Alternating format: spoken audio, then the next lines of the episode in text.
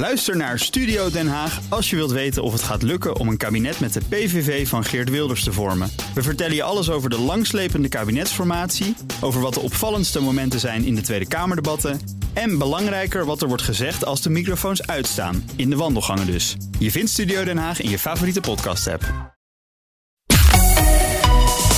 BNR Nieuwsradio. De AEX-factor. Wesley Weerts. Welkom en goed dat je luistert naar een nieuwe aflevering van de AEX-factor.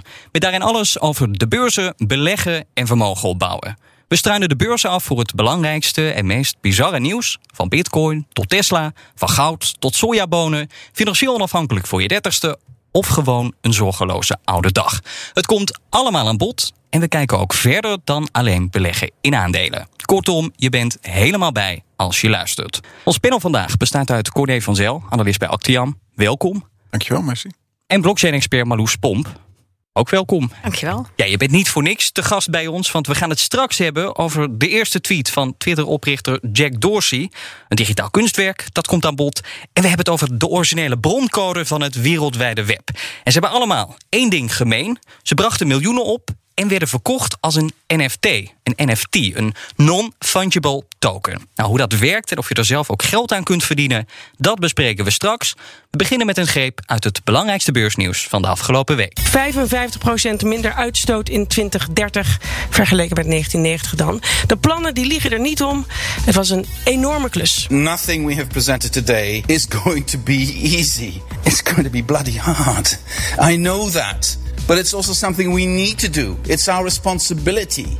It would be so much easier to just look away and avoid doing hard things. But we can't afford to do that. De rechtbank in Amsterdam heeft bepaald dat mensen en bedrijven die zogenoemde Schumel-diesels van Volkswagen hebben gekocht, recht hebben op in totaal honderden miljoenen euro's aan compensatie. De cijfers van Just Eat Takeaway konden beleggers ook niet bekoren. Aan de omzet ligt het echt niet.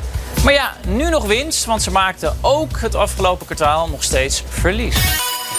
Ja, we hoorden het al even in het weekoverzicht. Brussel komt met een mammoetpakket aan maatregelen waarmee het de torenhoge groene ambities wil gaan verwezenlijken. De Europese Unie wil klimaatneutraal worden. Eh, en toen zijn er ook allerlei plannen opgetuigd. En die zijn best wel ambitieus en ingrijpend, ook voor bedrijven. Zo mogen er vanaf 2035 geen nieuwe benzine- en dieselauto's worden verkocht. Maar Corné, zijn al die Duitse autoreuzen daar wel klaar voor? Want het is best snel, 2035. Ja, inderdaad. Nou, ze zijn er nog niet klaar voor. Ze proberen daar wel zo snel mogelijk klaar voor uh, te zijn. Um, zoals vroeger de, uh, het gezegde luidt, een goede meid is op zijn toekomst voorbereid. Nou, dat geldt dus nu ook voor de autofabrikanten. En je ziet ook wel dat het heel snel gaat. Hè. Je, afgezien van deze wetgeving zie je al dat ze heel snel erachter kwamen dat het, zeker met het succes van Tesla, ja, dat ze wel die kant op moeten. En dat, dat, daar zijn ze al mee bezig. Ik denk dat een Volkswagen daar een heel mooi voorbeeld van is. En dat wordt nu ook al door beleggers gewaardeerd. Ja, maar heel snel. Als, als Volkswagen, je noemt zelf Volks, Volkswagen. Als je kijkt naar hoeveel auto's zij produceren en wat het aandeel elektrisch is, dat is altijd nog maar echt een fractie van de totale verkopen. Uh, en ook Handelsblad had een artikel en die hadden gekeken van ja, wat betekent dat nou als we zo snel zoveel elektrische auto's gaan produceren. En dan ontstaan er ook miljoenen tekorten aan batterijcellen bijvoorbeeld. Dus het is, het is ja, heel ambitieus, maar is het ook misschien te ambitieus? Nou, inderdaad, je kan wel een heleboel willen, maar uh, ik denk dat we uh, wat je nu op de weg schiet, is nog maar een fractie van wat ze straks gaan krijgen. Dus het elektriciteitsnet moet er ook voor bestemd zijn. Uh, en inderdaad, de vraag is of we wel genoeg batterijcapaciteit hebben. We hopen dat de technologische ontwikkeling goed genoeg zal zijn om dat allemaal op te lossen. Maar uh, er moet nog heel wat water door de Rijn heen stromen voordat dat daadwerkelijk uh, is gekomen. Dat, en dat zal niet makkelijk zijn. En het zal met hoort aan de stoten gaan. Ja, dat was, ik zei het al, een heel omvangrijk pakket. En het gaat niet alleen maar over de auto-industrie natuurlijk, want ook de luchtvaart en de zware industrie, die blijven ook niet buiten schot. Zo komt er waarschijnlijk een kerosinetax voor vliegen. De industrie gaat ook flink betalen om überhaupt CO2 uit te mogen stoten. En ja, ze mogen sowieso minder CO2 uitstoten. Maar het pronkstuk is misschien wel de CO2-grensheffing. Brussel wil een prijskaartje hangen aan de import van allerlei producten die een ja, grote CO2-voetafdruk hebben. Um, en nou, dat heeft een reden. Enerzijds, ze willen natuurlijk verduurzamen, maar ze willen ook voorkomen dat allerlei bedrijven uh, naar buiten de EU gaan met hun productie. Dat willen ze voorkomen. Um, maar ze hadden ook wel een probleem op hun hals misschien, want uh, de VS, China, die zijn er niet zo blij mee dat we dat gaan doen. Ja, nou, ze gaan waarschijnlijk een heleboel problemen ermee op hun hals halen. Want dat is niet zomaar gedaan. Uh, ik denk dat een van de mooiste voorbeelden is Californië. Daar hebben ze het al gedeeltelijk doorgevoerd. En wat je daar ziet is dat bijvoorbeeld in Californië wordt heel veel groene stroom geleverd. Maar ja, de stroomcapaciteit is niet veranderd. Dus alle vieze stroom gaat naar andere staten. En de groene stroom gaat naar Californië. Zonder dat er daadwerkelijk wat verandert. Ja. Zo verbetert je wereld nog niet. Dus dat soort effecten moet je dus wel op gaan letten. En dat zal ook bij dit soort dingen gaan plaatsvinden. Het is wel belangrijk. Ook eh, Biden zie je dat hij daarvoor gevoelig is. Ook die heeft voorstellen gedaan die kant op. Dus dat zou goed zijn. Maar een, denk ik wel een kernprobleem is dat het voor veel landen gezien wordt als, als importheffing. Ja. als je uh, staal uh, importeert waar dus heel veel CO2 voor gebruikt is, ja, dan ga je daar de importheffing erop toepassen. En eh, ja, dat mag dus weer niet. Dus uh, en dan zullen tegen, tegenheffingen krijgen. Ja, want ze zorgt, ja, je, je lokt misschien ook wel een soort van nieuwe handelsoorlog uit. Want, wat, wat nou als die druk uit die landen aanhoudt. Hè? Dan, gaan, dan gaan wij toch never nooit onze poot stijf houden. Want dat, dat willen we toch niet? We willen toch niet ruzie met Amerika, met China? Dat, dat, ja, dat ligt ook niet lekker. Nou, het voordeel is dat Amerika gaat, uh, zeker onder Biden... en dan laten we hopen dat dat zo blijft, dezelfde kant op. Dus dat is positief. En het grote voordeel ook is dat de EU zo'n machtsblok is... zo'n economisch machtsblok, dat ze dat wel kunnen doen.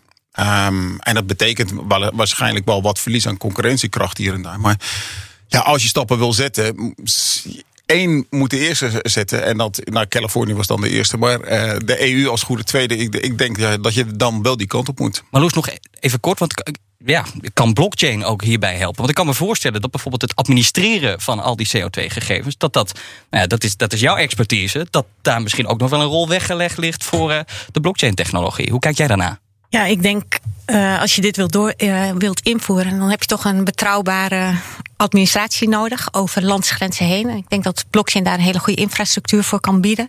En ook er wordt wel gesproken over een persoonlijk CO2-paspoort. Uh, nou, dat is denk ik bij uitstek iets wat je met een blockchain-infrastructuur kunt ondersteunen. Maar dat zou ook voor bedrijven kunnen?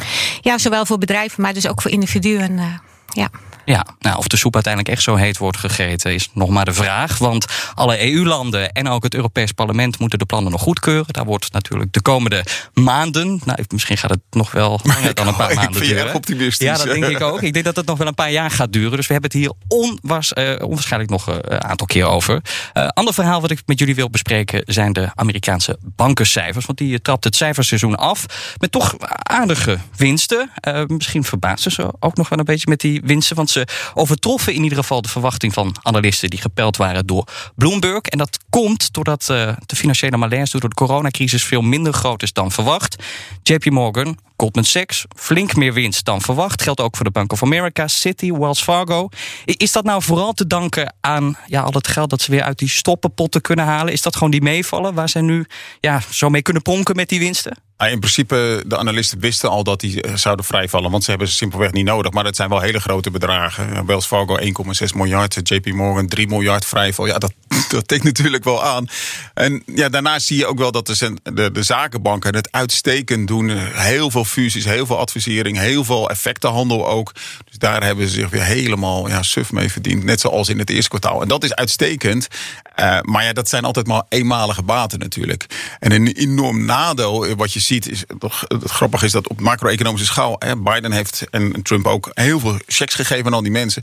En die zijn nu langzaam weer aan het besteden. Dus die, die gebruiken een creditcard wel, maar die laten daar geen schulden op staan. En dat is de grote winstmaker. Dus die, die creditcardschulden die zijn enorm gedaald. En dat is, ja, dat is wel een grotere tegenvaller geweest dan. Eh, kijk, de, Zit daar ook de grootste pijn op dit moment bij die ja, bank? Rentemarge is echt de grootste pijn. En, en niet alleen dat de marge uh, heel erg klein is, maar ook dus de hoeveelheid schuld. En dat die hoeveelheid schuld nu krimpt ik verwacht wel dat het tijdelijk is, want je ziet dat die mensen eh, heel graag geld willen uitgeven. En die checks gaan straks naar beneden. Er zijn al een aantal gevallen naar beneden gegaan. Dus dat betekent dat er minder inkomsten komt en toch wel blijven uitgeven. Ja, dan gaan die schulden vanzelf weer omhoog. Dus dat probleem wordt meestal wel snel opgelost. Ja, als ik nog even teruggaan naar die stroppenpotten. Je zei het al. Uh, ja, ze hebben er iets in gestopt, ze halen het er nu weer uit. Dus, dus in die zin kun je ook zeggen dat die winst niet heel bestendig of structureel is. Het is, het is een eenmalige meevallen of een tijdelijke meevallen. Dus ze, ze, ze, ja. ze moet op andere aspecten op andere vlakken moeten ze, moeten ze dus wel wat, ja, wat, wat, wat beter hun best misschien doen om die winsten zo hoog te houden. Ja, dat, dat, dat zal niet helemaal meevallen, want banken dat zijn wel de sector waar de, waar de klappen vallen. Je ziet dat, dat ze aan alle kanten worden aangevallen. eh, door, met name door fintech. eh, maar ook door eh, CBDC's, dus centrale banken, currencies. Eh, als die er gaan komen, betekent heel simpelweg dat ze minder betaalverkeer hebben. En dus ook daarvoor minder kunnen rekenen. Dus banken zitten wel echt in, in, de- in, in het hoekje waar de klappen vallen. Eh, maar als je gaat kijken van eh, ten opzichte van twee jaar geleden, als je de hele crisis eruit haalt, sommige banken doen het wat beter, sommige doen het slechter, ongeveer hetzelfde niveau eh, gemiddeld gesproken. Ja, en die lage rente, dat is nog altijd iets wat in ieder geval op die inkomsten drukt. Anderzijds schrijven die Amerikaanse banken nog wel altijd behoorlijke winsten. Eh, ze, slagen er, eh, ze, sloeg, ze slaagden recent ook voor die, voor die eh, stresstest van de Fed. Waardoor ja, ook daaruit blijkt dat ze toch wel behoorlijk kapitaalkrachtig zijn. Zelfs in het ergste, slechtste scenario blijven die banken gewoon overeind staan. Dus we hebben het vaak over, banken hebben het heel lastig. De lage rente, dat drukt op de inkomsten. Maar ja, ze halen wel nog steeds dit soort winsten. Dus gaat het wel echt zo slecht met die banken? Nou, de- met name die zakenbanken, daar gaat het echt uitstekend mee. Zeker onder de huidige omstandigheden. Er, wordt, er is zoveel financiële handel dat, dat zij daar zich ja, helemaal suf aan verdienen. Ehm, maar ja, de gewone banken hebben het duidelijk wel wat moeilijker.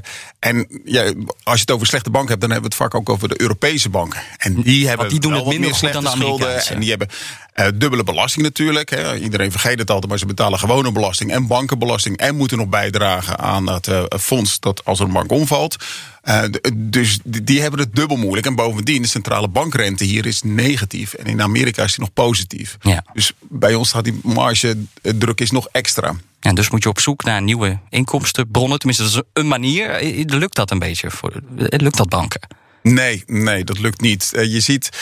Eh, ze proberen het wel. Eh, Ik vind Tikje altijd een, een leuk voorbeeld. En, eh, en ik sprak daar toen met ABN AMRO mee. Van, ja, maar wat verdienen jullie daar nou op? Ja, we verdienen er wel op. Oftewel, dat klinkt alsof we Ja. maken de winst op, maar het, eh, Niet zo, het houdt niet over. Eh, en da- daar zit wel het probleem.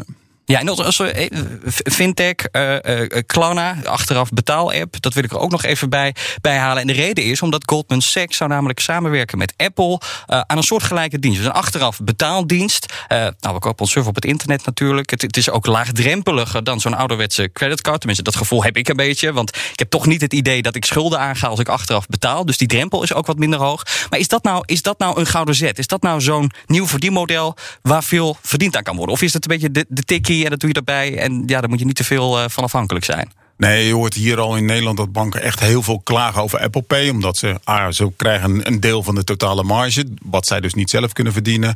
En B, ze de- krijgen de data en die houden ze voor zichzelf. Dus daar kunnen de banken weer niks mee. Dus dat betekent dat ja, Apple heeft alle macht in handen. Voor als je Apple Pay gebruikt.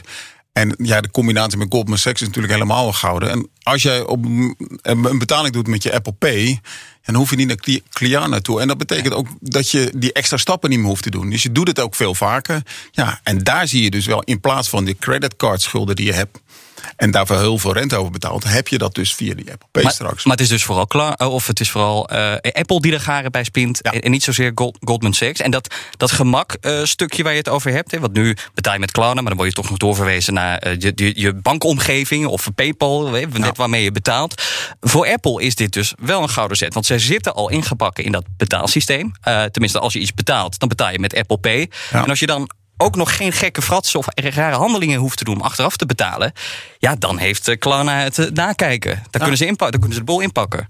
Nou ja, je ziet ook dat de koers het heel erg slecht heeft gedaan. Eh, en, en in ieder geval, ja, ik merk het. Ik ben nou niet echt een voorloper qua techniek. En als ik zie hoeveel ik al Apple Pay gebruikt. Ik vergeet soms gewoon mijn portemonnee mee te nemen. Levensgevaarlijk. Maar omdat gewoon dat. Waar ligt die nu? Hij zit nu al in mijn zak, anders kom ik het gebouw niet binnen. Ja. Maar ehm, je merkt dat Apple Pay zoveel makkelijker is. En daarmee ook veel meer ge- gebruikt zal worden. Ja. En, en dat heb, de banken in Nederland hebben bijvoorbeeld wel een alternatief. eh eh, Iconic, geloof ik, zeg ik even uit mijn hoofd. En dat is volledig mislukt. Dus hadden de marketing power niet. En misschien ook niet echt de wil om dat gezamenlijk uit te zetten. Ja, nou ja, voor Softbank is het misschien ook nog wel een klap. Want ze hebben recent veel geld gestoken in Klarna. Dus als eh, de grote techgiganten zich daar nu mee eh, gaan bemoeien... is dat misschien het, het, het, het nieuwe fiasco voor Softbank. Want ze hadden eerder natuurlijk ook al WeWork... eh, waar ze flink op af moesten schrijven. Nog even kort, Just Eat Takeaway. Want eh, dat verhoogt zijn groeiverwachtingen. Maar tegelijkertijd schrijft het ook eh, diep rode cijfers. Want de maaltijdbezorger rekent op een verlies... van 280 tot 450 miljoen euro voor dit jaar. En daar schrokken beleggers best wel van. Want het aandeel eh, stond 9% lager als reactie daarop. Snap, snap je die eh, schrikreactie? Ja, ik, ik moet wel zeggen, de verklaring die ik zag, dat was inderdaad de verklaring dat ze zoveel verlies maakten. En ik denk, ja, dat is geen verklaring, want ze maken altijd veel verlies. En dat maakt ook niet uit, zolang je maar de lange termijn verdiencapaciteit in Ja, maar is het verlies niet hoger nu dan? Ja, maar ze zijn ook veel groter geworden. Dus Ja. dat, dat, eh, waar ik denk vooral het grote probleem is. Ze hebben natuurlijk net een enorme overname in de Verenigde Staten gedaan. Ehm, en, en daar is de omzet maar 14% gegroeid. Als je net 7,3 miljard hebt betaald voor een bedrijf wat maar 14% groeit. Ik denk dat daar de, ja, de angst en, eh, en de teleurstelling van beleggers zat.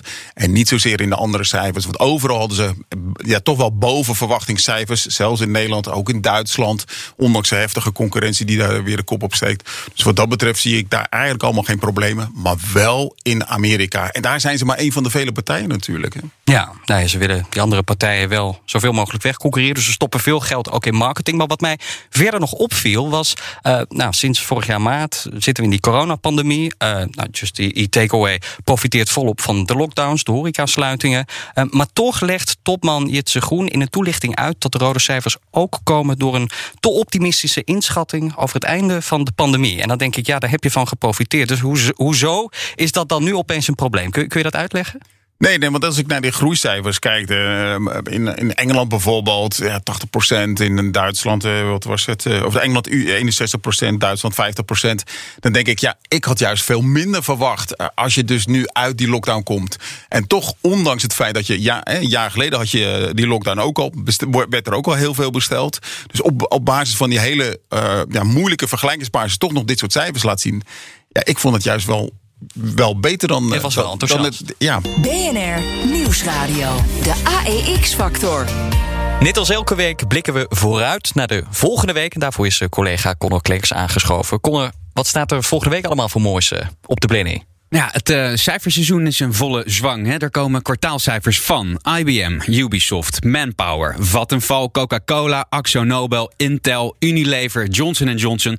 Zo kan ik in principe nog wel een paar minuten doorgaan, want het is nog lang niet alles. Maar ik pik er even twee belangrijke uit: Netflix en ASML. Nou, laten we met Netflix beginnen, want wat kunnen we daarvan verwachten? Ja, donderdag komt eh, Netflix met de cijfers over Q2. En dat wordt interessant, want in streamingland is eh, de concurrentie mo- momenteel echt moordend. Ik weet niet hoeveel eh, abonnementen jij hebt, maar eh, bijvoorbeeld Disney Plus. ze. Ja, deel ze. Ja, dat, dat is wel heel verstandig. Disney Plus heeft een eh, aantal enorme klappers eh, eh, gehad dit jaar. Denk aan eh, bijvoorbeeld de Marvel-serie Loki. Ehm, en Netflix had uiteraard wel een heel sterk 2020. Door de wereldwijde lockdown zat de streamingmarkt sowieso eh, in de lift. En eh, Q2 vorig jaar konden ze daarom 10 miljoen nieuwe abonnee- abonnees bijschrijven. Maar Q1 van dit jaar was een stuk minder rooskleurig. Dat waren er 4 miljoen nieuwe abonnee- abonnees.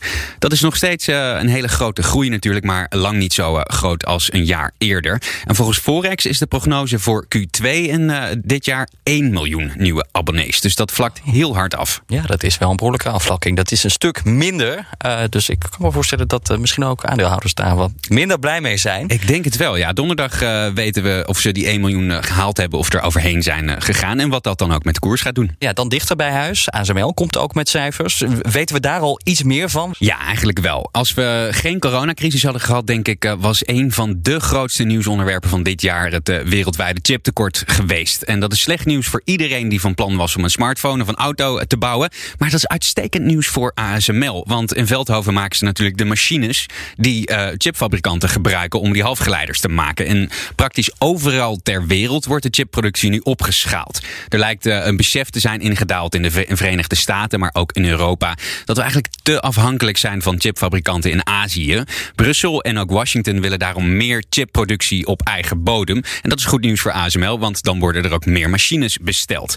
ASML zei bij de presentatie van eh, de cijfers van het eerste kwartaal dat ze rekenen op een omzetgroei van 30% ten opzichte van eh, 2020. Was het dan alleen maar Hosanna daarin in Veldhoven? Of zijn er ook nog wat tegenvallers? Ah, dat is niet alleen maar Hosanna. Eh, ASML vreest namelijk dat een Chinees bedrijf aan de haal gaat met hun technologie. Gestolen technologie, wel te verstaan. Gaat over het bedrijf Dongfang Yingyuan. Dat is opgericht door een oud werknemer van ASML. En die wordt in Amerika gezocht wegens bedrijfsspionage. Maar in China, waar die zit, kan die lekker doorontwikkelen. De Vereniging van Effectenbezitters vroeg daarom ook vorige maand meer duidelijkheid van eh, ASML over wat ze doen aan de bedrijfsspionage in China. Ik kan me goed voorstellen dat we daar volgende week meer over horen. Nou, dat gaan we dan uh, weer bespreken. Dankjewel in ieder geval, Conor Klerks. Nieuwsradio. De AEX-factor. Wesley Weerts. De eerste tweet van Twitter-oprichter Jack Dorsey, een digitaal kunstwerk en de originele broncode van het wereldwijde web. Ze hebben één ding gemeen. Stuk voor stuk brachten ze miljoenen op en allemaal worden ze verkocht als een NFT. Een NFT, een non-fungible token. Als je een NFT koopt, koop je eigenlijk een digitaal certificaat dat iets van jou is, maar zonder al te technisch te worden. Marloes, hoe, hoe werkt het nou? Want het, het is geen PDF-bestandje, hè? Nee, het is eigenlijk precies uh, zoals je het omschrijft. Het is een digitaal eigendomsbewijs uh, die je op de blockchain vastlegt, die dus ook onveranderbaar is. Uh, en waar je vaak wat metadata aan toevoegt, wat omschrijft ja, waar het over gaat. Ja, dus je kunt een, een, een, een, digitaal schilderij hebben en dat leg je dan vast in een NFT. En in die NFT staan dan de eigenschappen van dat schilderij, eventueel een linkje naar dat kunstwerk toe? Ja, de afbeelding zelf en een, een een omschrijving. Die leg je dan vast, uh, vaak via een marktplaats voor NFT's. Uh, en dat wordt vervolgens op een blockchain-protocol vastgelegd, waardoor het uh, onveranderbaar is. En jij eigenlijk altijd kunt aantonen dat dat digitale schilderij of een ander object uh, van jou is. En we kennen de blockchain van cryptomunten, maar wat is nou het verschil tussen een NFT en een blockchain? Want de, de technologie is hetzelfde, maar er zit ook een verschil ja, in. Je moet het uh, eigenlijk zien als meerdere laagjes. Dus de blockchain uh, is eigenlijk het, de onderslagen, het protocol waarop je iets opslaat. Uh, dan heb je bijvoorbeeld een marktplaats waarop je die NFT's kunt aanmaken en verhandelen. Uh, en uh, het verschil tussen NFT's en crypto is dat een, stel jij hebt een bitcoin en ik heb een bitcoin. Ja, het zou jou niet heel veel uitmaken welke je nou precies hebt. Uh, en dat is bij een NFT wezenlijk anders. Want een NFT is echt toegewezen aan één object, één afbeelding, één eerste tweet. Dus dat is echt een uniek object. Ja, nou zit ik regelmatig op marktplaatsen, gewoon voor allerlei andere producten. Maar je hebt dus ook marktplaatsen voor NFT's. Zit je, zit je daar nou ook de hele dag op te scrollen om te kijken of er nog leuk kunstwerk tussen zit? Of misschien een, een tweet van uh, de, de, de, eerste tweet van uh, Jeff Bezos. Ik, ik zeg maar, wat zit, zit je ook de nee, hele dag nee, op Nee, ik doe dat niet de hele dag. Het is natuurlijk wel interessant om te volgen. Uh, kijk, er zijn wel een aantal mensen die een hele portfolio hebben samengesteld. dus het is wel interessant om te volgen. Waar investeren, investeert men dan in? Maar het is niet iets wat ik dagelijks doe. wel... Investeer je er zelf wel in? Heb je een NFT? Um, ja, ik heb, uh, je, je kunt ook uh, emoticons, uh, zeg maar, kort. Oh, die heb je.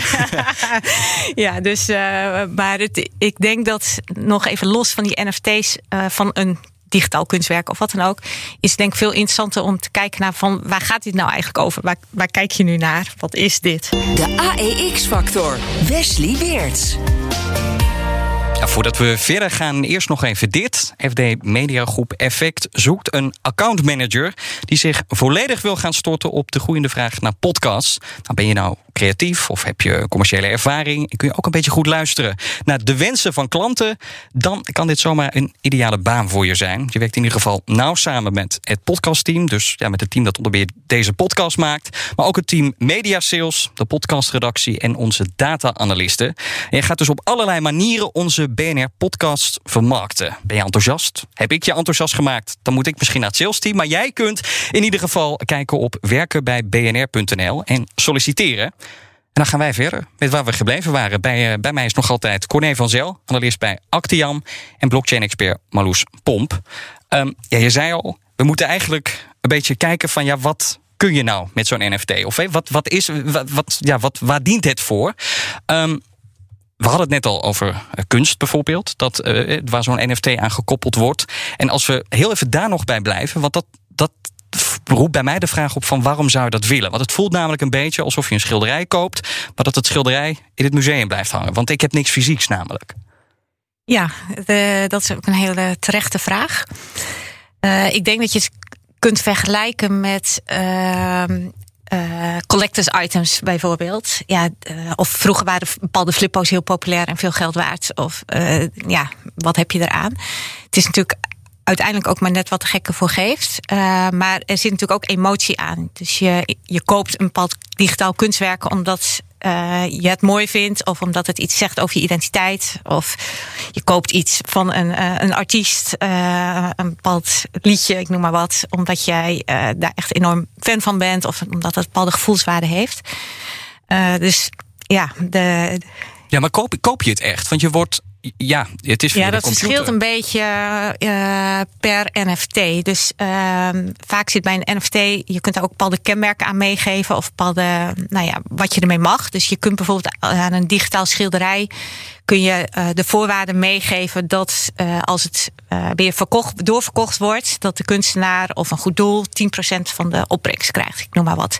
Of je kunt zeggen, als je een ticket voor een festival uitgeeft, dan kun je zeggen, nou, hij mag helemaal niet doorverkocht worden. Of, ja, of je krijgt er ook een percentage van. Jij krijgt daar een percentage van. Dus die voorwaarden kun je meegeven aan zo'n NFT. Maar daar kan ook het eigenaarschap bij zitten. Dus soms ben je juridisch gezien eigenlijk helemaal geen eigenaar. Mag je het alleen voor jezelf gebruiken. En soms draag je ook daadwerkelijk het juridisch eigendom over.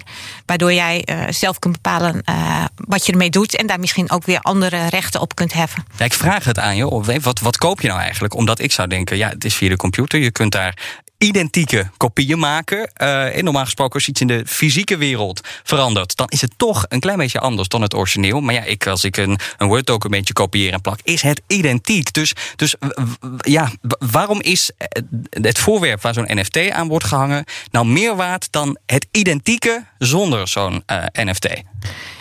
Ja, nou dat is. Uh, toch het idee dat het van jou is. Uh, dus je kijkt inderdaad niet naar een andere afbeelding. Uh, maar hij is niet van jou. Dus het gaat denk ik meer over het idee dat het van jou is. Uh, het is een beetje bezit, het is pronken met wat je hebt ook. Of dat ja, niet? of supporten waar, waar je fan van bent. Uh, of het is een, toch denk ik in heel veel gevallen ook een identiteitskwestie. Maar dat kun je bij heel veel andere collectors items natuurlijk ook uh, zo vinden. Of bijvoorbeeld in de gaming-industrie is het al best gebruikelijk dat je, als jij daar een avatar hebt, uh, dat je geld uitgeeft aan een leuk kapsel of een leuk jasje of een ander object. Ja.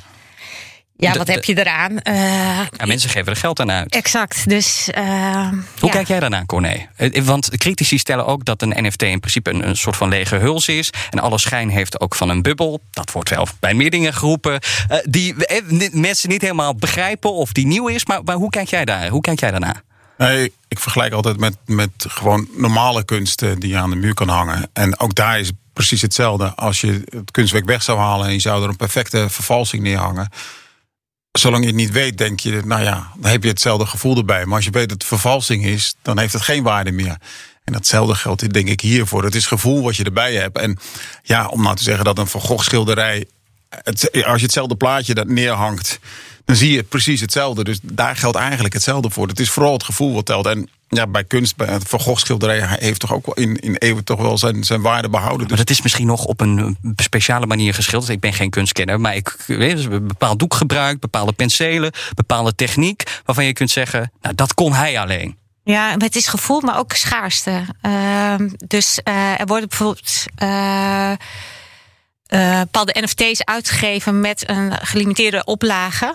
Uh, die daardoor op een gegeven moment, en als veel mensen dat willen hebben, iets waard zijn. Uh, dus dat speelt ook wel een rol bij die NFT's. Dus het is gevoel. Het is soms ben je ergens fan van en wil je iets supporten. Of is het Uh, en soms is het ook gewoon schaarste van iets wat veel gebruikt wordt, uh, waar, je dan ook een onderdeel van wilt hebben. Ja, iemand die misschien uh, niet zo nauw neemt met schaarste is ook een kunstenaar. Dat is Damien Hirst. Hij stapt namelijk ook in die NFT-hype. Maar hij gaat voor miljoenen aan oud werk verkopen. En dat, dat gaat om heel veel kunst. Volgens mij zijn er duizenden kunstwerken die hij wil verkopen. En daar wil hij een NFT aan koppelen. En vervolgens gaat hij de kopers twee maanden later vragen: van ja, wil je nou die NFT houden? Of wil je liever het echte kunstwerk in handen hebben?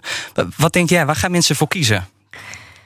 Ja, dat hangt denk ik heel erg van je achtergrond uh, af. En uh, ook hoe je naar NFT's kijkt. Nou, dat zegt wel iets over de mensen die die aankopen doen natuurlijk. He, ja, dus de ik verwacht... Oude, conservatieve uh, mensen of de, de, de, de, de blockchain-nerds die denken... oh, daar, daar, daar kan ik wat mee. Of ik geloof in die Ja, in die daarom is dit denk ik ook een mooi experiment. Dus ik denk dat dat zal natuurlijk ook een van de redenen zijn... waarom hij dit doet. Dus ik ben ook heel benieuwd wat daaruit komt.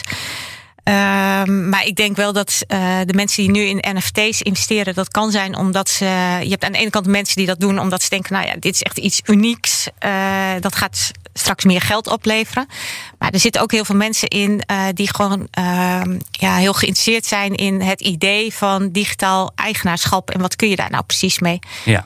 Ik wil, ik wil dat daar zo nog over hebben. Ik wil ook even weg bij die kunst nu. Want je kunt namelijk veel meer met een NFT. Het is niet alleen maar voor een kunstwerk. Je noemde net al concerttickets. Maar wat, zijn, ja, wat is de bredere toepassing van zo'n NFT?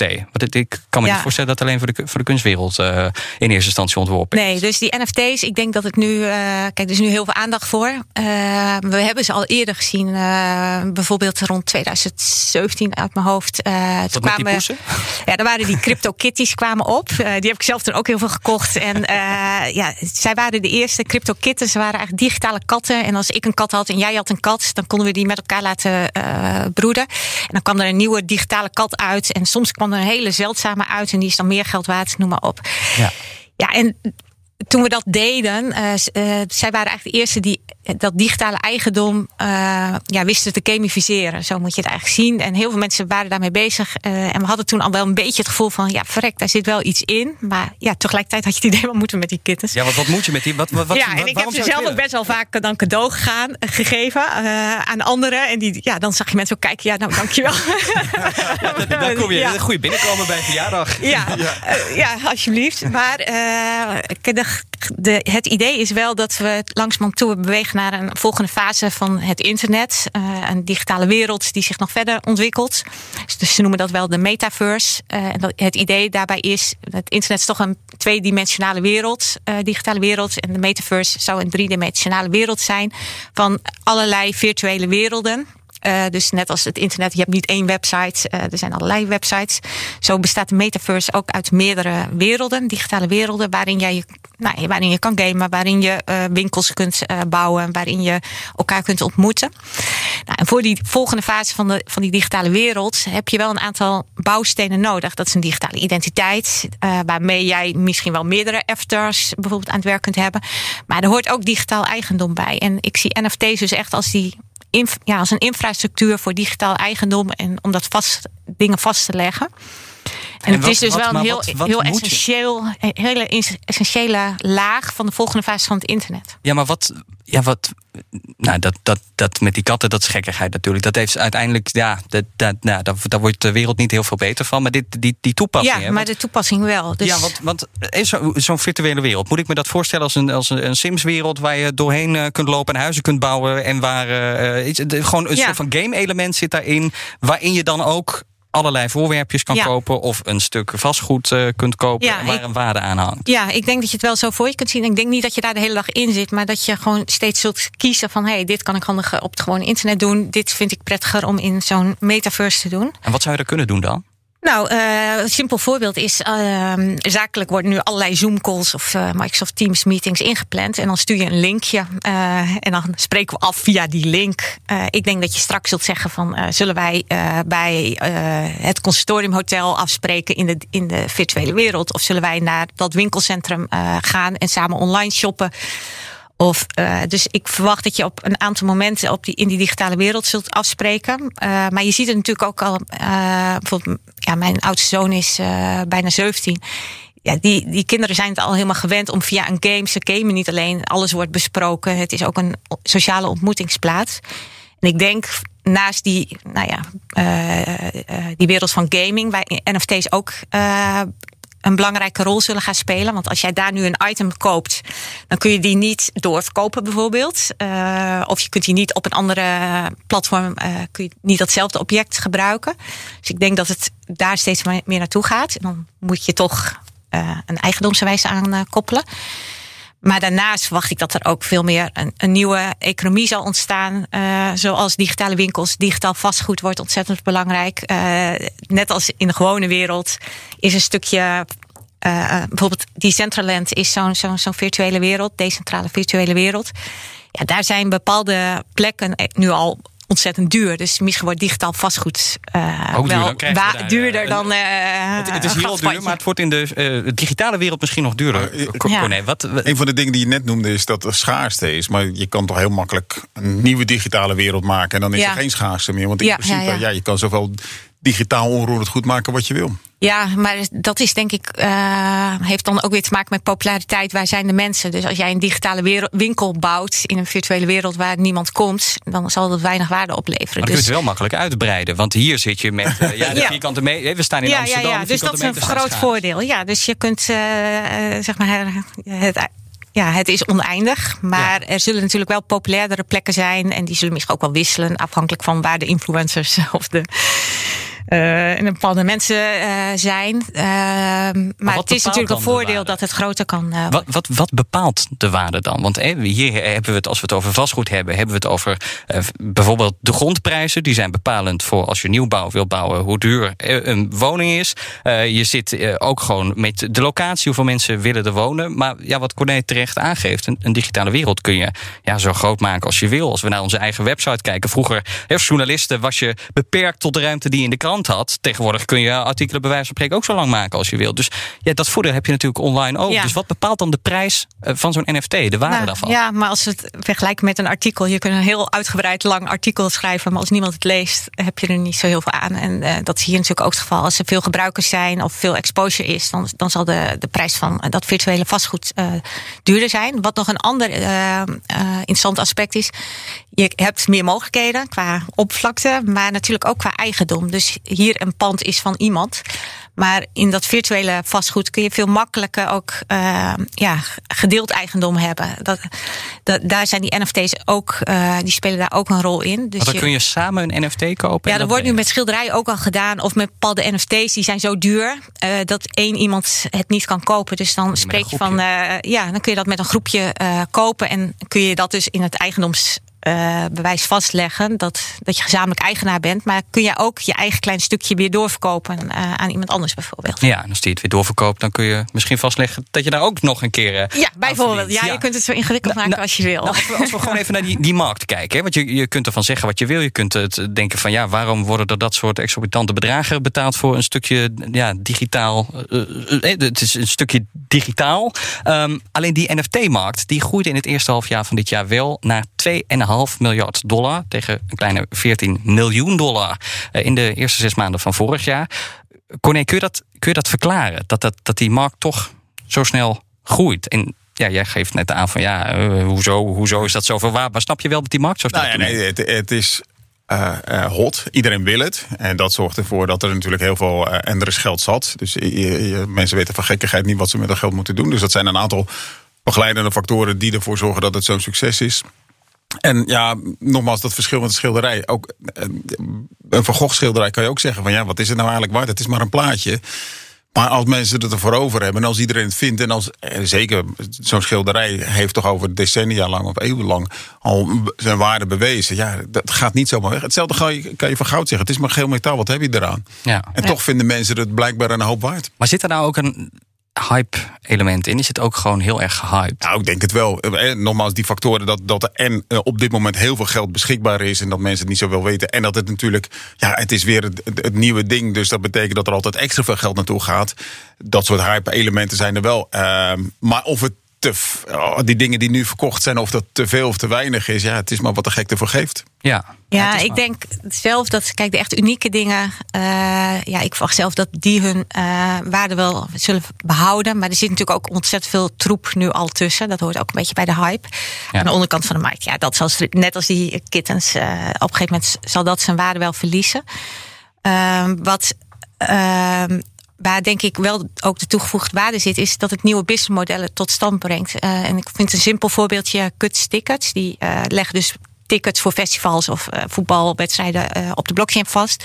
Daarmee wordt fraude moeilijker, omdat ze eh, nou ja, die tickets kunnen volgen. Ze kunnen daar voorwaarden aan meegeven. Dat is in, al interessant. Maar wat zij nu hebben gedaan is CAT Protocol hebben ze gelanceerd. En dat is eigenlijk een protocol waarmee iedereen op zo'n manier tickets kan registreren en vastleggen. Maar daar hebben ze ook weer elementen van decentralized finance bij aan toegevoegd. En dat betekent dat jij als, nou, stel wij willen met z'n allen heel graag een bepaalde artiest liefst in Paradiso hebben. Dan kunnen wij eigenlijk voorfinancieren. eh, Crowdfunding. Een soort crowdfunding. eh, de- eh, en dan nou, vindt de kaartverkoop plaats, merchandising. En dan kunnen we er misschien ook nog weer op verdienen.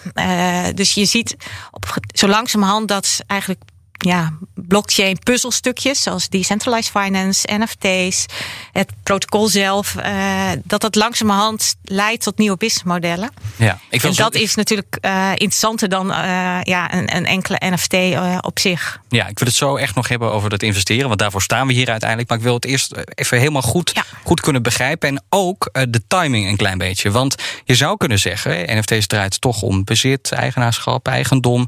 Maar de consument die beweegt ook een beetje die andere kant misschien op. Want ja, bijna niemand bezit nog een uitgebreide CD- en DVD-verzameling. Want we luisteren via Netflix en Spotify. Eh, autobezit is ook misschien minder de norm. Want eh, we pakken een Uber of een, of een deelauto. Dus het, het voelt ook een beetje misschien tegen draads, die NFT-beweging. Als je, als je begrijpt wat ik bedoel. Ja, ja we, eh, eens. Denk uiteindelijk, eh, kijk, het gaat nu even heel erg over dat eigendom. En je zult misschien een aantal dingen digitaal willen bezitten. Maar ja, daar zul je op een gegeven moment ook misschien wel genoeg van hebben. Of eh, ja, de een zal net als in deze in de fysieke wereld meer bezit willen hebben dan de ander.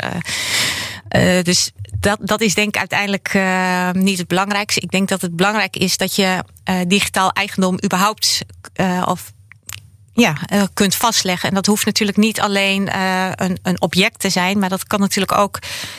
ehm, ja, eh, ja, hoe moet ik dat uitleggen? Ehm, zoals bijvoorbeeld bij vastgoed. Door, digitaal, door een digitaal.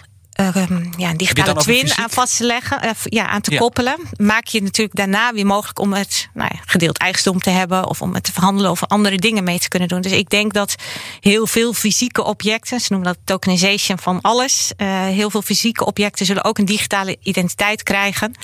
Eh, ja, daar hoort dan ook een digitaal eigendom bij. En dat maakt weer dat je er andere dingen mee kunt doen. Ja, want dat je kunt dat ook koppelen aan de fysieke wereld. Het is niet per se dat het dus alleen Ja, digitaal is. Ja, dus een, een mooi voorbeeld is denk ik eh, het voorbeeld is een project tussen haven Rotterdam en de haven Singapore. En die werken aan de Electronic Bill of Lading. Dat is een, eh, docu- de Bill of Lading is een eh, papiertje wat aan een container is gekoppeld. En dat bepaalt wie de eigenaar is van bepaalde goederen in een container. Nou, dat hebben zij blockchain-based gemaakt, een digitale variant daarvan. Maar doordat je daar dan ook eh, tokens aan koppelt, of eh, crypto, of eh, nou, een NFT kan ook het eigendomsbewijs zijn van wat in zo'n container zit, kun je natuurlijk in, onmiddellijk betalingen doen. Of je kunt er andere verzekeringen aan koppelen. Of je kunt dus vastleggen van dat een eigendom overgaat van jou naar mij. Ja. eh, op het moment dat het, die container eh, is overgeheveld. Dus het helpt uiteindelijk om die volgende fase van digitalisering eh, te laten plaatsvinden. En ook nog veel internationaler eh, dat te laten Ja, plaatsen. want je kunt makkelijk dingen ook verhandelen. Want je hebt zo'n NFT die je digitaal uit kunt Ja, wisselen. en Dus- als je er op zo'n manier naar kijkt, gaat het, heel veel dingen hebben natuurlijk waarde. En dat hoeft dan niet een bezit te zijn, maar dat kan ook waarde zijn eh, als een document wat eh, overgaat. Of, dus het gaat denk ik niet zozeer over nou ja, heel veel di- digitale objecten verzamelen, maar veel meer waardeoverdracht mogelijk maken op een digitale manier. Ja, maar hoe zorg je ervoor als je zo'n NFT koopt, dat die NFT over eh vijf, tien jaar ook nog altijd werkt? Want dat vind ik wel een risico. Is dat Eh, als nu je, ook? Ja, als je, als je online iets doet. Ik heb regelmatig dat ik een linkje open en dan werkt het linkje niet meer en dan ben je het Ja. kwijt. Dus hoe werkt dat bij die NFT? Is dat, is ja, dat, dat, is echt nog wel een. Op dit moment, het is nog een heel onvolwassen industrie natuurlijk. Dus eh, er zitten ontzettend veel kinderziektes in. En nu weet je dat dus ook niet zeker. En datzelfde geldt eigenlijk voor je crypto-portemonneetjes. Als jij nu. je, of je moet een partij vertrouwen nu. eh, en als zij eh, verdwijnen, ja, dan ben je, ben je waarschijnlijk ook je crypto kwijt. Of. eh, ehm, eh, ja, je moet zelf allerlei sleutels en wachtwoorden bijhouden. En Oh als je die kwijt bent. ja, dus dat is natuurlijk nu nog heel, heel onhandig. Ik verwacht een van de mogelijke denkrichtingen is dat er straks smart contracts komen. Die dat kunnen oplossen. En dat je in dat smart contract kunt vastleggen dat. eh, stel wij vertrouwen elkaar. Dat ik zeg, nou ja, als ik alles kwijt ben, dan. eh, eh, kun jij me helpen om het weer te resetten. Maar Ja. je kunt ook zeggen, daar vertrouw ik de bank straks in. Of de overheid. Of je moeder. Of wie dan ook. Maar er moeten wel dat soort eh, manieren komen om het gebruiksvriendelijk te maken. En datzelfde geldt nu eigenlijk voor de NFT's. Exact dezelfde kinderziektes die je ziet bij crypto, zie je ook bij NFT's. Ja, en als we dan nu naar het aspect investeren, kijken, geld eraan verdienen. Corné, zou dit nou een product zijn dat jij wel ziet zitten? Is dit iets waar je mm, misschien nu of over een tijd geld in zou stoppen? Nou ja, ik denk dat je dus vooral moet kijken wat erachter zit. Hè. NFT is, is maar de techniek die je gebruikt. Dus eh, net zoals met, eh, ja, als je nu iets koopt, maakt het niet uit hoe het geregistreerd wordt. Of, eh, het gaat erom wat de onderliggende waarde, eh, hoe die zich eh, gaat, eh, eh, gaat ontwikkelen. Ja. En dat geldt denk ik ook met NFT's. Ja, kun je niet op twee manieren daarnaar kijken als je investeert? Want je kunt dus eh, investeren in een digitaal fysiek object waar een eh, NFT aan hangt. Dus je kunt zeggen, ik verwacht dat dat object een bepaalde waarde nu vertegenwoordigt en dat die waarde toeneemt. Nou, daar, daar ga ik vanuit. Dus ik koop het nu met het idee dat ik het straks met meer winst door kan verkopen. Maar, maar Marloes, je kunt, je kunt toch ook investeren in die techniek zelf? Eh, want, en dan moet je wel weten hoe dat die NFT werkt, denk ik. Ja, dus je kunt er ook in investeren om meer te leren. Eh, maar je kunt ook eh, inderdaad investeren. Als je zegt, denk van ja, ik vind digitaal eigendom, ik geloof daarin, ik denk dat dat belangrijk is. Dan kun je of investeren bijvoorbeeld in de protocollen die eronder liggen. De, het kan bijvoorbeeld Ethereum zijn of Flow is ook een eh, blockchain protocol wat NFT's ondersteunt. Je kunt investeren in de marktplaatsen waarop je NFT's kunt aanmaken en verhandelen. Kunt investeren in eh, eh, bedrijven eh, die NFT's gebruiken in een businessmodel. Dus er zijn allerlei manieren om, om, hierin te investeren. En dan is het afhankelijk van wil je ja, investeren in de, in de NFT, in een digitaal kunstwerk of, zelf. Ja, dan zou ik gaan voor dingen waar je, die voor jou ook echt uniek zijn. Of waar je ook echt iets mee hebt. Ja, als je voor die laatste optie kiest, je investeert in iets, een, NFT zelf. Eh, moet je dan ook weten hoe NFT's werken? Want een, Nee. een kunsthandelaar, ja, die hoeft ook niet per se goed te kunnen schilderen, bijvoorbeeld. Nee, dat is denk ik niet per se nodig. Eh, ik denk ook niet om je iets van eh, crypto of van NFT's of van blockchain in het algemeen eh, te vinden, hoef je er niet per se de techniek helemaal te doorgronden. Alsof mensen snappen hoe het internet precies werkt. Dat is natuurlijk ook niet zo. Ehm, dus dat hoeft niet. Maar het is natuurlijk wel handig om je een beetje te verdiepen in eh, nou ja, betrouwbaarheid van bijvoorbeeld de marktplaats. Of, eh, Ja, hoe de- weet je dat? Nou ja, daar is gelukkig Google eh, ook wel weer handig in. Er zijn heel veel podcasts. Eh, de marktplaatsen zijn ook allemaal net wat anders van aard. Dus het is ook, nou, wat vind je belangrijk? Sommige marktplaatsen, daar kun je bijvoorbeeld ook met een creditcard betalen. En andere alleen met crypto. Nou, dat kan al een overweging zijn om voor het een of het ander te kiezen. Of sommige marktplaatsen zijn echt decentraal van opzet. Andere moet je toch een organisatie daarachter vertrouwen. Dus dat zijn keuzes die je eh, wel kunt maken. Maar daarvoor hoef je de techniek niet aan zich niet per se volledig te doorgronden. Ik, ik vraag, hoe, hoe weet je dat? Omdat je normaal gesproken, in een bedrijf investeert, nou, die publiceren kwartaal, jaarcijfers, je weet hoe dat ervoor staat. Als we Booking.com ook maar even als een soort van marktplaats zien waarin allerlei eh, vakanties worden aangeboden, eh, eh, dan weten we hoe dat het bedrijf ervoor staat. Hetzelfde geldt voor eBay bijvoorbeeld. Dus ja, dit, dit, is, dit, dit zijn bedrijven. We, we hebben, we weten niet hoeveel gebruikers er per se op zitten, hoe goed die bedrijven lopen. Dus hoe moeilijk is het dan om daarop in te stappen? Nou ja, net zoals bij eBay Booking. Als jij dat nog niet vertrouwt en je hoort het, wat doe je? Je doet een eerste kleine, ja, eh, ja, eerste kleine boeking en dan weet je hoe het is. En dan denk ik, oh, dat gaat makkelijk. Doe het nog eens en dan je hoort positieve verhalen. Dus dat vertrouwen wordt langzaam opgebouwd. En dat geldt denk ik hier hetzelfde. Heel simpel, als jij naar je bankrekening kijkt, dan zie je ook alleen maar ja, cijfertjes op een scherm staan. Maar door al die jaren vertrouwen in die bank, is dat vertrouwen daar en weet je dat dat geld van jou is. Ja, maar Corné, jij investeert toch niet alleen maar in dingen die jij lekker vindt werken op, eh, op de computer? Je kijkt toch wel naar meer dingen? Ook ik, als ik iets koop, dan is het, eh, het eh, de ervaring die ik heb met al die jaren. en ehm, nou, bij Booking.com, als ik ja, dus die ervaring heb en ik- merk dat het goed werkt, en dan doe je het nog een keer, nog een keer. En, en daardoor vertrouw ik Booking. En, en daarom geef ik gewoon mijn creditcard aan, aan Booking.com. Ja, maar als je erin gaat investeren, wil ik zeggen, dan Als ga je vervolgens ja, ook kijken. Ja, geldt precies hetzelfde. Eh, bovendien denk ik dat daar, als je een bedrijf van buiten kijkt, dat je belangen naar niet weet hoe lang je er ook naar kijkt. En dat uit, mijn eigen ervaring weet ik dat wel. Dat je weet wat er precies allemaal aan de binnenkant eh, speelt. Nee. Eh, dus eh, daar gaan ook regelmatig dingen fout waarvan je dacht van, god, dat had ik nooit gedacht. Dus ook daar, je, je baseert je op vertrouwen, je baseert je op cijfers, je doet zoveel mogelijk informatie op. En soms wordt het vertrouwen beschouwd en wordt dat vertrouwen misbruikt. En, en gelukkig meestal niet. Ja. Dus je zou kunnen investeren in bijvoorbeeld zo'n marktplaats of in infrastructuur. Maar hoe werkt dat dan? Kan ik met een, met een zak geld. Ja, ik ben heel ouderwets dan nog. Ik kom met een zak euro's aan om daarin in te investeren. Maar is dat de manier? Kan ik dan zeggen, nou, ik vind dat, uh, ik vind dat die marktplaats die jullie hebben, daar, daar geloof ik in. Uh, nou, hier heb je een zak met geld. Uh, in, dat is mijn investering en ik wil daar een bepaald rendement op hebben. Werkt het zo of, of moet ja, ik dat, dat anders doen? Dat scheelt weer per marktplaats of per organisatie. Ehm, uh, heel veel crypto uh, of blockchain gebaseerde bedrijven werken natuurlijk met uh, investeringen via crypto. Maar Ja. goed, het is niet heel, heel moeilijk om jouw zak met euro's om te Nee, zetten naar. Ja, wat nou, crypto. dat zou- dat en dan zou, wel, kun je ja. daarmee investeren. Eh, er zijn ook steeds meer eh, DAO's, decentrale autonome organisaties. Nou, als je daarin wil investeren, dan eh, kun je bijvoorbeeld eh, bepaalde tokens eh, van zo'n organisatie kopen. Dat doe je inderdaad vaak met eh, eh, crypto. Maar je kunt ook bijvoorbeeld nu, eh, zoals Ethereum, als je daarin zou willen investeren. Zij werken nu aan de versie 2.0 eigenlijk. Ja, dan kun je met je Ether 1.0, die kun je nu eh, ja, eigenlijk investeren in het team dat Ethereum 2 bouwt.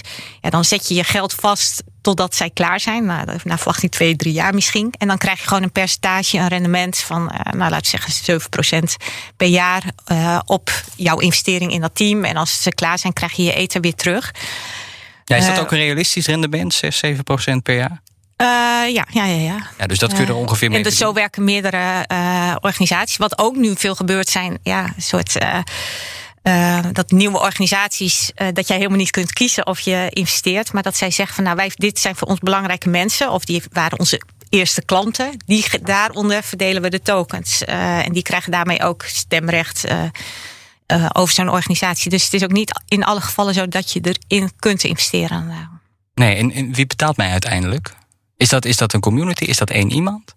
Ehm, nou, soms zit daar gewoon een organisatie met mensen achter. Maar bij DAO's, dat is een decentrale autonome organisatie, wordt Ja. dat eigenlijk door het contract eh, bepaald eh, en uitgekeerd. En loopt dat volledig via de technologie. Het Maar gaat in- geautomatiseerd. ja, maar in heel veel gevallen op dit moment zijn het nog gewoon organisaties die daarachter zitten.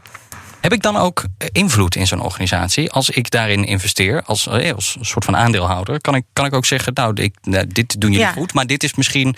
Ja, kijk hier wat ik aan. heel interessant vind aan de DAO's, de decentrale autonome organisaties, is juist dat je dus eh, allemaal stemrecht he- hebt. En daar, ik ben ook heel benieuwd, ik wil er zelf ook mee experimenteren. Ehm, gaat dat dan ook tot een andere eh, ja, stemverdeling of keuzes eh, eh, komen? Want je moet eh, aan de hele community uitleggen dat het een goed idee is. En voldoende mensen moeten daar dan achter staan en daarvoor stemmen. Dus het is niet meer van je belt je vriendjes en je regelt het even achter eh, gesloten deuren van nou ja, wij gaan dit doen.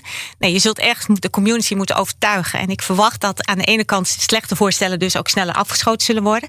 Maar dat er misschien ook wel vaker onverwachte ideeën eh, juist wel er doorheen komen. Omdat mensen denken van nou ja, het is een beetje een gek idee, maar daar leren we dit en dit van. Laten we het maar proberen. Terwijl nu dat soort voorstellen misschien wel helemaal niet halen. Maar nou ja, dat wordt afwachten. Daar moet nog veel meer mee getest worden. Ja, hoe, hoe, risicovol is het nou om daar, daar geld in te stoppen? Want we weten heel veel nog niet. Je gaf net al aan van die staat ja, in de maar dat is denk ik vergelijkbaar met de opkomst van het internet. Kijk, eh, daar is, nu kun je met terugwerkende kracht zeggen... nou, daar waren een aantal grote winnaars. Maar dat was toen het internet opkwam natuurlijk ook niet zo. En daar is ook heel veel mensen hebben verkeerd geïnvesteerd. eh, en er zijn een aantal eh, grote winnaars uitgekomen. En dat is hier nu ook zo. Dus uiteraard is het risicovol omdat nog volstrekt onduidelijk is welke bedrijven nu gaan winnen. Of bijvoorbeeld met die NFT's. Ja, het begon als crypto-kitten. Nu hebben we een NFT. Misschien komt hierna nog wel weer een volgende eh, fase. Eh, komt het toch weer anders uit te zien. Ja, Dus- maar dat is, dat is wel een terecht punt. En je hebt dus die, die infrastructuur. Je kunt zeggen, ja, bij de opkomst van het internet wisten we ook niet welke bedrijven succesvol waren. Dat weten we nu ook niet. Hè. Welke marktplaats gaat het winnen? Wat is de beste infrastructuur? Dat, daar zitten misschien ook nog eh, verschillen in. Alleen als het dan gaat over waarde bepalen en waarde toekennen aan een bepaald product. eh, dat, zijn, dat is ook nog een stuk co- com- gecompliceerder. Omdat je namelijk, nou, nee, neem een Rolex, Rolex horloge of een, of een dure designertas. Ik wijs nu naar mijn eigen Ja. Horloge. Het is een Rolex horloge. Eh, maar ja, die, die producten die zijn, die zijn niet meteen zo duur geweest. Dus dat, dat, dat, Ja, dat, duurt een tijd voordat die waarde toeneemt. Dat moet uit, uitkristalliseren. Eh, en zeker bij iets eh, wat nog in de kinderschoenen staat, als zo'n NFT. Je, je weet niet zo goed waar mensen uiteindelijk waarde aan toekennen en waar niet. Dus Nee. eh, eh, ga je niet per definitie het schip in als je in zo'n vroeg stadium al instapt. Zeker als je dus zelf geld in zo'n NFT stopt met de gedachte: oh, die kan ik straks voor meer eh, verkopen. Omdat we het gewoon niet weten nog. Ja, nou dat ik, ik zou zelf meer investeren in uh, om te leren en te snappen van waar, wat gebeurt er nu eigenlijk. Uh, en dan is het ook misschien beter om te spreiden en te zeggen van nou ja, ik investeer een beetje in decentralized finance, ik investeer een beetje in NFT, ik investeer een beetje in concepten die meer met die metaverse bezig zijn, ik investeer een beetje in bijvoorbeeld die, uh, die autonome avatars die dan als werknemer ingezet kunnen worden. Ik noem maar wat. dus misschien moet je meer kijken van hé, hey, wat wat kan ik hiervan leren? En zo is het natuurlijk de mensen die in het internet hebben geïnvesteerd, of in de internetbedrijven hebben geïnvesteerd. Een aantal hebben natuurlijk gewoon domweg mazzel gehad, goed gegokt. Maar er zijn natuurlijk ook heel veel mensen die uh, hebben geïnvesteerd uh, en een brede portfolio hebben gehad, waarvan een heleboel niet zijn gelukt, maar ook een aantal wel. Ja, Corné, waar zit voor jou het grootste potentieel bij deze techniek? Uh, geen flauw idee. nee. Maar ik moet wel, wat Marloes zegt, om die vergelijking met het internet te, trekken. Als je inderdaad een portefeuille had met duizend internet techbedrijven. Ja, daar zijn er waarschijnlijk 950 van. Die bestaan helemaal niet meer. Maar er zit ook Amazon, er zit ook Microsoft. En uh, Google was toen nog niet beursgenoteerd. Maar dat soort bedrijven zitten er ook bij Apple. Uh, en die zijn juist enorm succesvol geweest. Waarbij je waarschijnlijk per saldo die 90, 95 procent meer dan goed hebt gemaakt.